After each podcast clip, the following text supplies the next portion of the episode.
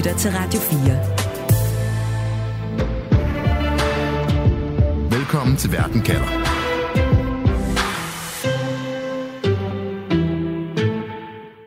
til ligner han en helt almindelig ung brite. Han er 28 år, han har frikadellefarvet hår, og han arbejder i det britiske parlament for højtstående britiske politikere. Men han bærer rundt på en hemmelighed, ifølge det britiske politi, der har arresteret ham og anklaget ham for at være kinesisk spion. En anklage, der har fået den britiske premierminister til at konfrontere Kina og advare dem imod indblanding i den britiske regering. Selv siger den unge brite, at han er uskyldig. Og nu debatterer de britiske politikere, om de bør reagere ved direkte at kalde Kina en trussel. Derfor spørger jeg i dag, hvor stor er spiontruslen fra Kina? Jeg hedder Stine Krohmann Dragsted. Velkommen til Verden kalder, programmet, hvor jeg stiller skarpt på et aktuelt spørgsmål om verden, og på en halv time giver dig svar. Du lytter til Radio 4. Mette Rogers, korrespondent i Storbritannien, blandt andet for Weekendavisen. Velkommen til Verden kalder. Ja, hej. Med altså alene de sidste to år, der har den britiske efterretningstjeneste advaret britiske politikere om for eksempel en såkaldt påvirkningsagent fra Kina med forbindelser til det kommunistiske parti, som skulle have infiltreret det britiske parlament. Og så var der også den her kinesiske spion, der brugte LinkedIn til at lokke britiske embedsfolk med besøg til Kina og andet for at få dem til at videregive følsomt materiale, altså ifølge MI5. Men med den her nye sag, hvor vi i hvert fald ved, at der er to personer, der er under mistanke og er blevet arresteret af det britiske politi, hvad overrasker dig mest ved den? Hvad gør den ekstraordinær?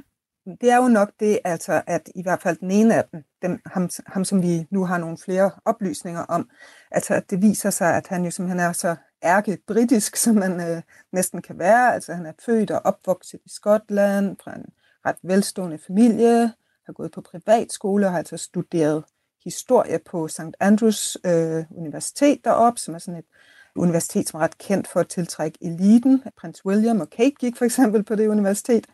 Og siden så har han så også arbejdet i Kina, men igennem British Council, som altså er sådan en kulturel råd, som øh, udbreder britisk kultur, værdier og sprog øh, i verden. Øh, så han arbejdede som engelsk lærer i, i Kina i nogle år.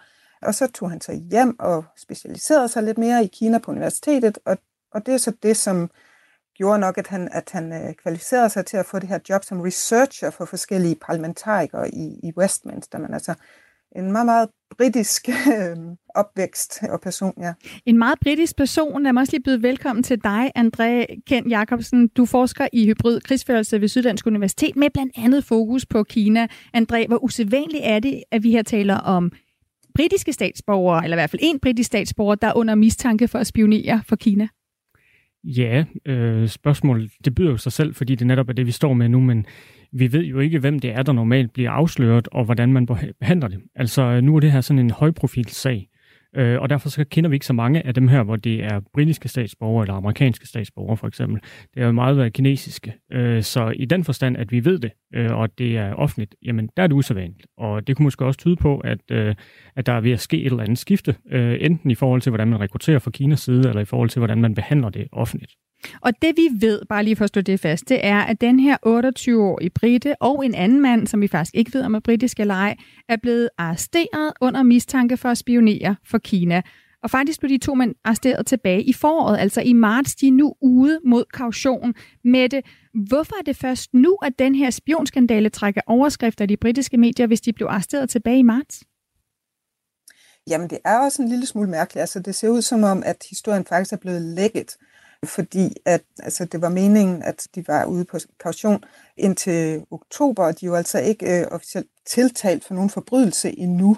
Så det er lidt mærkeligt. Der er nogen, som spekulerer i, eller tænker, det er lidt mærkeligt, at, de, at den her historie kommer frem lige nu, mens øh, Rishi Sunak han tilfældigvis er til G20-møder, altså har mulighed for at tale med den kinesiske premierminister og ligesom vise, at han tager den her sag meget alvorligt. Fordi han beskyldes nemlig normalt for at være sådan ret øh, blød over for Kina, så han har altså så kunne bevise nu øh, i medierne, altså, hvor, at han tager det alvorligt og, og er hård over for Kina. Men omvendt så bruger de folk, der sådan er mere kritiske over for Kina, jo så også den her sag nu til at sige, at der er behov for en endnu hårdere linje over for Kina. Så derfor så er det en lille smule svært at vurdere præcis, hvor historien den kommer fra om det er den ene eller den anden side af, af argumentet. Så der er nogle spekulationer om, hvorfor det kommer lige nu, hvor altså den britiske premierminister Sunak er i Indien, hvor der jo er det her G20-topmøde, altså hvor nogle af de store økonomier mødes. Det er den indiske leder Modi, der er vært for det, og der har Sunak så også øh, løftet en, en pegefinger over for hans kinesiske kollega. Så lad os lige vende tilbage til, om sådan en løftet pegefinger overhovedet gør en forskel. Men, men med det, jeg skal lige slå fast, altså du siger, vi, vi har en arrestation her, de er ude mod kaution, men vi ved ikke, hvad han er beskyldt for, den her britte, udover at spionere. Nej, der er overhovedet ikke nogen informationer altså i, i medierne. Det er The Times, som, øh, som har historien, men altså, de har ikke nævnt nogen specifik, specifikke detaljer om, hvad præcis det er, han skulle have gjort. Mm. André, vi ved, at han har boet i Kina. Han har studeret om Kina. Han arbejder nu som researcher for en gruppe parlamentarikere med fokus på Kina. Denne her unge mand kan sagtens have gode grunde til at tale og mødes med kinesere. Hvad skal der til for, at man bliver anklaget for at være spion? Altså er det ikke en ret svær sag at løfte? Jo, det kan det jo i hvert fald være. Det kommer an på, om man bliver fanget øh, med fingrene i kagedåsen, eller som øh, det måske mere eller mindre tilfældet her, at øh, der er måske mere at tale om, at han har haft nogle forbindelser til efterretningstjenester, til den kinesiske ambassade, hvor han har foretaget en form for indhentning, informationsindsamling, måske af ting, som ikke øh, nødvendigvis har været særlig øh, hemmeligt, men som til sammen og ved, at efterretning, eller at, at ambassaden for eksempel, eller hans føringsofficer har, har bedt om det, jamen så tager det karakter af at være spionage, men det kan jo også være, være langt mere end det. Altså vedkommende sidder centralt placeret i den nok mest centrale sådan, øh, kan man sige, tænketank, øh, som, som prøver at skabe en kritisk bevågenhed om Kina og Kinas udenrigspolitik. Og der har han jo talt med rigtig, rigtig mange mennesker, som måske også lukker noget ud øh, mellem ribbenene. Ting, som man ikke siger, ting, som man ikke skriver. Så altså, der kan sagtens være tale om noget meget mere øh, alvorlig øh, informationsindhentning, end, øh, end vi umiddelbart lige tror. Men lad os lige tage den, fordi øh, jeg har også kaldt det en tænketank. Prøv lige at forklare, hvad er det, den her anklagede, hvad er det for en gruppe i det britiske parlament, som han ligesom har arbejdet for? Hvad er det for en information, han har haft adgang til som, som parlamentsresearcher? Ja, ja, altså det er selvfølgelig ikke sådan en, en tænketank i sig selv, men de opererer lidt ligesom en tænketank. Det er måske en, en lidt uformel øh, samling af, af parlamentarikere fra forskellige partier, som er kritiske over for Kina, og det er rigtigt, altså de opererer lidt som tænketank på den måde, at de laver rapporter, de indhenter informationer, så derfor har han selvfølgelig måske nok haft adgang til måske ikke tophemmelige dokumenter, men altså stadigvæk dokumenter, som ikke er hemmelige, men som kan være følsomme nok. Derudover så kan der selvfølgelig have været nogle gæster inden og tale med, med den her gruppe. Det kan være dissidenter, eksperter, måske nogen fra sikkerhedsbevægelsen. Øhm, øh, som Andrea også siger, han, han har måske været til stede, mens de her meget kritiske parlamentarikere har diskuteret, hvad skal vi gøre for at forhindre, at, at Kina får mere adgang til det her land. Så han har i hvert fald haft adgang til nogle diskussioner som kunne være interessante for, for Kina. Som researcher for parlamentarikere, der har han jo så også haft mulighed for den anden vej, kan man sige, at, at påvirke, fordi altså, som en ekspert i Kina, der har, har de her parlamentarikere brugt ham til at levere sådan briefing noter, hvor, hvor, hvor de uh, gerne skulle blive klogere på forskellige uh, forhold, som har med Kina at gøre, hvor de jo så bruger hans viden øh, til at danne en mening om forskellige ting. Så, så ja, måske ikke tophemmelige dokumenter, men meget, meget mm. øh, vigtige diskussioner i hvert fald. André, er det en person, som kunne have information, som kineserne kunne være interesseret i, når man er placeret i sådan en rolle, som han er? Ja, absolut helt sikkert. Netop fordi, at han er så central men altså, hvis vi prøver at tænke på det i en dansk kontekst, så har der været stor diskussion om den her øh, nye lov, der skulle modvirke påvirkningsarbejde fra udlandet. Og øh, så var spørgsmålet, hvordan kan vi egentlig afgøre, om det er noget, som folk de kan blive dømt for, eller øh, bare deres egen holdning. Altså fordi man må jo mene alle mulige mærkelige ting i den her verden. Man må mene noget, som kineserne mener, iranerne, øh, russerne osv. Men hvis det er, at man gør det, og man udbreder det på vegne af en fremmed efterretningstjeneste, så er det lige pludselig noget helt andet, fordi så virker man faktisk som påvirkningsagent.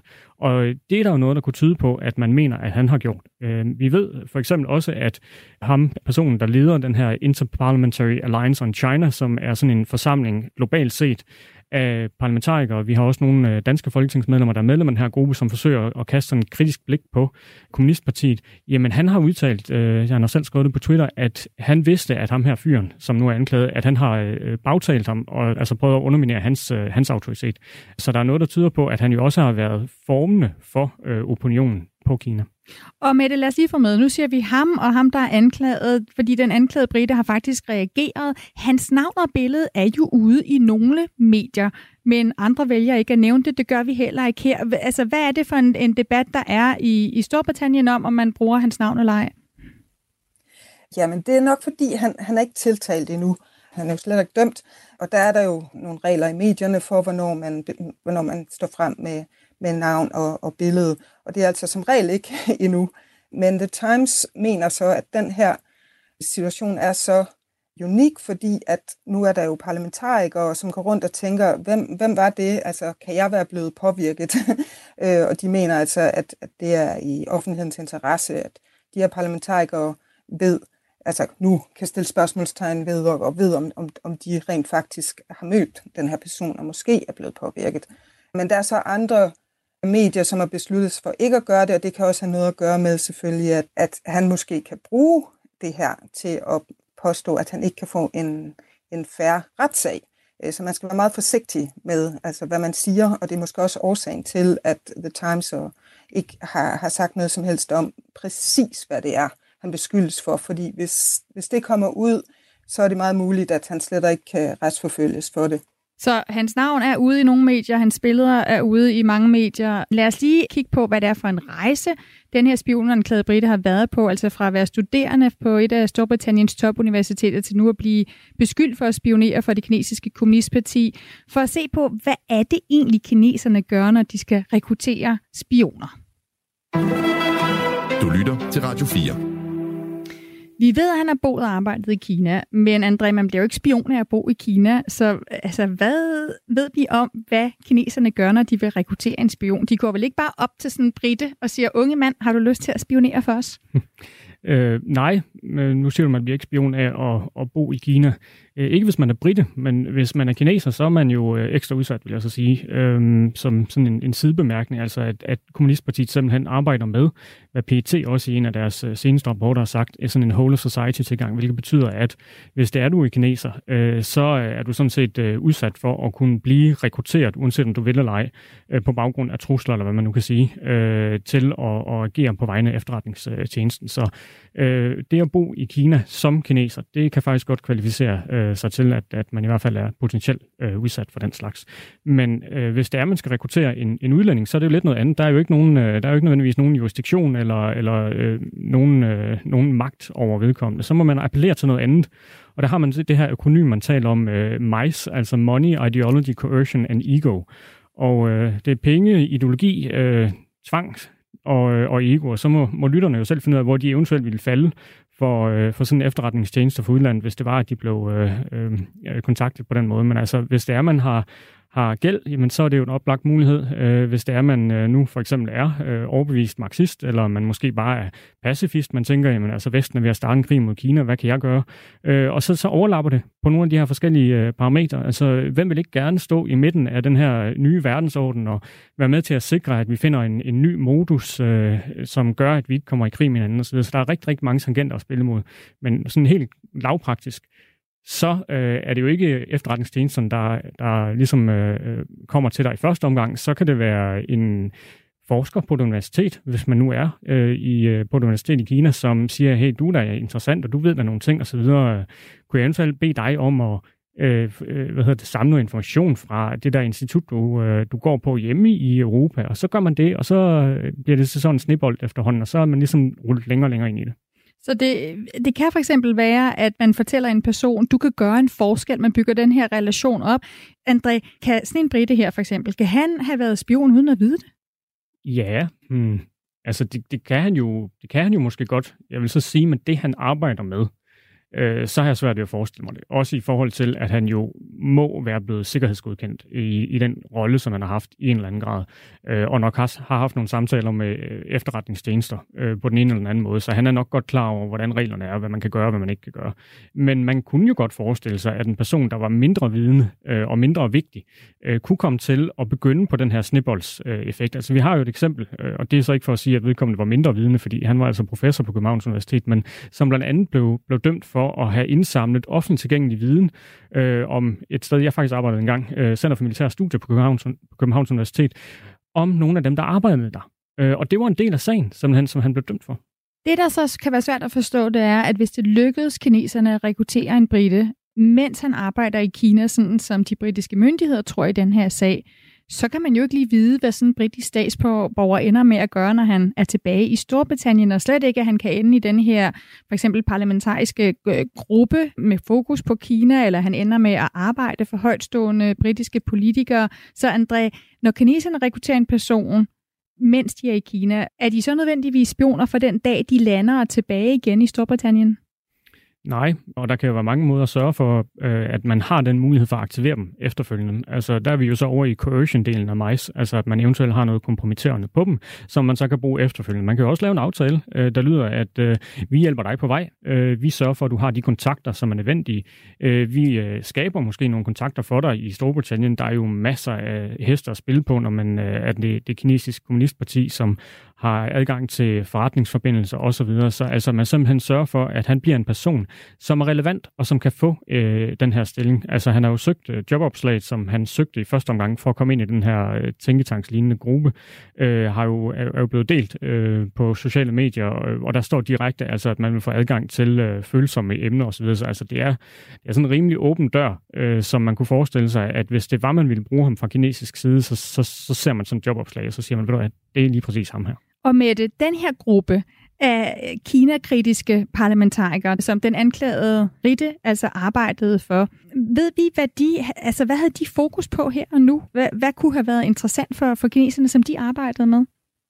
Jamen altså, så de har været øh, kritiske over for Kina i årvis, og også haft forholdsvis god, øh, stor succes øh, med at, at presse den siddende regering til at, at have en, en strammere linje over for, for Kina i de seneste år, især i forbindelse med Huawei-debatten og i forhold til investeringer i kritisk infrastruktur, hvor Storbritannien virkelig har strammet op over for Kina i de seneste år. Så det, de så arbejder på nu, det er at få Kina på sådan en liste, hvor man ligesom erklærer dem for en trussel mod landets sikkerhed, øh, som vil betyde, at man så kan kræve af folk, som arbejder enten for den øh, kinesiske regering eller for øh, statsvirksomheder, øh, selvfølgelig knyttet til den kinesiske regering, altså at de skal offentliggøre og fortælle, hvad præcis det er, de arbejder med. Øh, og hvis ikke de gør det, så, så kan de straffes. Øh, så det her med at få, få Kina sådan ligesom officielt stemplet som en trussel, det er det, de har arbejdet på. Mm. Øh, og måske også øh, altså grunden til, at mange af dem faktisk er blevet sanktioneret af Kina. Mm. André, nu ender den her Britte jo så i det her job, og en position, hvor kineserne, øh, hvis beskyldningerne er rigtige, vurderer, at de kan bruge ham. Og altså gå hen og aktivere ham fra at være en sovende agent til, til at han er, er aktiv. Hvordan gør man det, og hvordan kommunikerer man så med ham? Altså ringer man bare til ham og sender e-mails bagefter for at få noget af den her information, eller ved vi, hvordan de agerer? Altså en oplagt måde vil jo være øh, at gøre det samme som når man starter rekrutteringen. Altså at man starter med nogen, som ikke har nogen tilknytning til efterretningstjenesten. Det kunne være andre, man har været, eller som i hvert fald har en eller anden sympati. Øh, så det vil sige, at han kan jo være blevet kontaktet af, af nogen fra det universitet, hvor han er gået, hvor der allerede findes øh, nogen, der er i kommunistpartiet solgt i en eller anden forstand, og så siger, ved du hvad, jeg har egentlig lige nogen, du skal møde, eller vil du ikke hjem og have øh, en, en, en, et glas vin hos mig i aften, og så møder du nogle, nogle spændende mennesker osv. Øh, men vi ved jo så også, at på et tidspunkt, så skal man ligesom øh, håndtere, så får man føringsofficer og øh, i det danske eksempel med en, øh, en, en russer, som blev dømt for industrispionage, men altså der, øh, der tog PT ham jo simpelthen, da han var ude, i, øh, ude på bakken øh, for at, og, at være ude og, og hygge sig der. Øh, og de havde overvåget ham øh, undervejs øh, rigtig mange gange og set, at han havde kontakt med den her russiske føringsofficer. Så det foregår på mange forskellige måder. Men det, man skal være opmærksom på, det er, at hvis man har sådan en kontakt med nogen, som man synes, okay, det er måske lidt mystisk det her, og så man begynder at skifte platform til mere og mere hemmelige platforme, så kan det være, der er en grund til det så skal man nok være lidt mistænksom. Og det er det, du så kalder, altså hvis man bliver taget af politiet der, så er det, at man er taget med fingrene i kagedåsen. Ja. Godt, lad os kigge på, hvordan man så kan beskytte sig mod kinesiske spioner. Du lytter til Verden kalder på Radio 4. Samtidig med, at den her spionsag udfolder sig, så har vi altså den britiske premierminister Sunak, som øh, hiver den kinesiske premierminister til side her i weekenden, hvor de mødes til G20-topmøde, og angiveligt altså løfter Sunak sin pegefinger og siger, at det er uacceptabelt, at der er kinesisk indblanding i det britiske demokrati, i, i det britiske parlamentariske demokrati, André. Når han øh, sådan hæver stemmen lidt og siger fy til kineserne, hvor stort indtryk tror du så, øh, det gør Jamen, jeg tror, de er fuldstændig ligeglade. Øhm, og vi ser det jo også på de reaktioner, der kommer fra de kinesiske ambassader rundt omkring i verden, hver gang der er nogle af de her sager. Enten, øh, hvad enten det, det øh, er om cyberspionage, eller det er sådan nogle sager som det her, så siger de bare, at det passer ikke. Øh, det er antikinesisk propaganda, øh, det er koldkrigsmentalitet, og øh, jeg synes, eller vi synes, at, at det skal lige komme over. Og så har vi jo en anden britisk minister, som på en eller anden måde er indblandet den her sag med det. Den nuværende britiske sikkerhedsminister, Tom Tugendhat, som netop var med i den her parlamentariske gruppe, som den anklagede Britte lavede arbejde for. Hans syn på Kina er jo, er jo meget kritisk. Hvad siger det om, hvor det konservative parti står? Det konservative parti er lige nu meget splittet på, på Kina. Altså, så Tugendhat, som først for nylig er kommet i regeringen, han er som sagt ja, meget kritisk over for Kina, og det er han og nogle andre inden for, altså i regeringen, indrigsministeren øh, siges også at være meget kritisk, øh, og erhvervsministeren skulle også være kritisk. Men Finansministeriet og Udenrigsministeriet og altså statsministeriet, øh, de er omvendt øh, ret øh, bekymrede over, hvad en alt for Kina-kritisk øh, holdning øh, udad til, øh, den, det vil betyde for økonomien, altså for samhandlen, især måske her oven på, på Brexit, fordi Kina øh, og Storbritannien, de handler altså sammen for sådan 100 milliarder pund om året, så, så der er man ret bekymret over de økonomiske konsekvenser. Øh, og derudover så er man selvfølgelig også, øh, altså så, så siger de, at øh, det er fuldstændig urealistisk at bare øh, øh, afskære sig fra at tale med, med Kina. Altså Kina er et kæmpe land, øh, utrolig vigtigt selvfølgelig økonomisk i, hele verden, men også i forhold til klimaforandring og andre utrolig vigtige øh, emner. Så, så det er Sunaks argument øh, og udenrigsministerens argument, at vi bliver nødt til at snakke sammen, men derfor kan vi jo godt selvfølgelig øh, beskytte os så godt som muligt, og det påstår de så også, at man har gjort ved netop at, at lave nogle af de her ændringer, altså har gjort det øh, sværere for Kina, øh, eller i hvert fald, at man kigger øh, mere på på de øh, forretninger, hvor, hvor man giver Kina lov til at investere i, i britisk øh, erhvervsliv. Altså, mm. De har ikke helt den adgang, som de havde for otte år siden, hvor David Cameron han udråbte til en gylden øh, æra for forholdet mellem Storbritannien og, og Kina. Altså der er vi slet ikke i dag. Men Mette, du siger, at der har været en rapport for nylig, som faktisk kritiserer de britiske politikere for slet ikke altså have styr på, hvor meget Kina prøver at infiltrere og påvirke. Hvad er det for nogle advarsler, mm. slamper, der lyser der? Ja, men det er faktisk øh, det britiske parlaments efterretnings- og sikkerhedskomité, som i juli udgav en rapport, som netop konkluderede, at Kina altså spionerer på alle niveauer i samfundet. Altså, øh, Øh, der er industrispionage selvfølgelig inden for altså erhvervslivet. Øh, de har infiltreret universiteterne, og derfor er det måske heller ikke en overraskelse selvfølgelig, at, at øh, vi nu også ser, at de har formået at komme ind for Westminsters mure. Og den her rapport, den siger altså, at regeringen slet, slet ikke er realistisk i forhold til, hvad der skal til for at beskytte landet øh, imod spionage øh, mm for, fra Kina. Og det er især investeringer altså i efterretningstjenesternes arbejde og måske nogle strammere lov i forhold til, hvad Kina har lov til at investere i i landet. Ja, André, for hvad er der af mulige modsvar? Altså nu er der nogle politikere, også i det konservative parti, der siger, vi skal simpelthen sige, at Kina er en trussel, for så kan vi i højere grad holde øje med, hvad kinesere i Storbritannien de går og foretager sig. Så kan man give flere penge til efterretningstjenesten. Er der nogen måde at sikre sig imod spioner, som den her britte, der er beskyldt nu? Nej, ikke at sikre sig. Mhm, men der er større muligheder for at opdage dem, hvis man kigger efter dem, og hvis man har ressourcerne til at kigge efter dem. Herhjemme, der ved vi fra PT, at øh, der reelt set ikke var nogen, der sådan organiseret rigtigt kiggede efter øh, kinesisk øh, påvirkning eller øh, spionage før 2016 17 stykker. Øh, og, og det, det er jo vigtigt, at der rent faktisk er en bevidsthed om det. Altså, så, så det her med at, at være meget øh, sådan, øh, fast i kødet om, hvad er vores forhold egentlig til Kina, øh, det kan jo have den effekt, at man også som forretningsmand, eller som universitetsforsker, eller som almindelig turist, eller studerende, udviklingsstuderende osv., har en anden tilgang til øh, den relation, som man, som man møder. Du lytter til Verden kalder på Radio 4. Hvor jeg i dag stiller spørgsmålet, hvor stor er spiontruslen fra Kina? Mette Rogers, hvad er dit svar på det spørgsmål?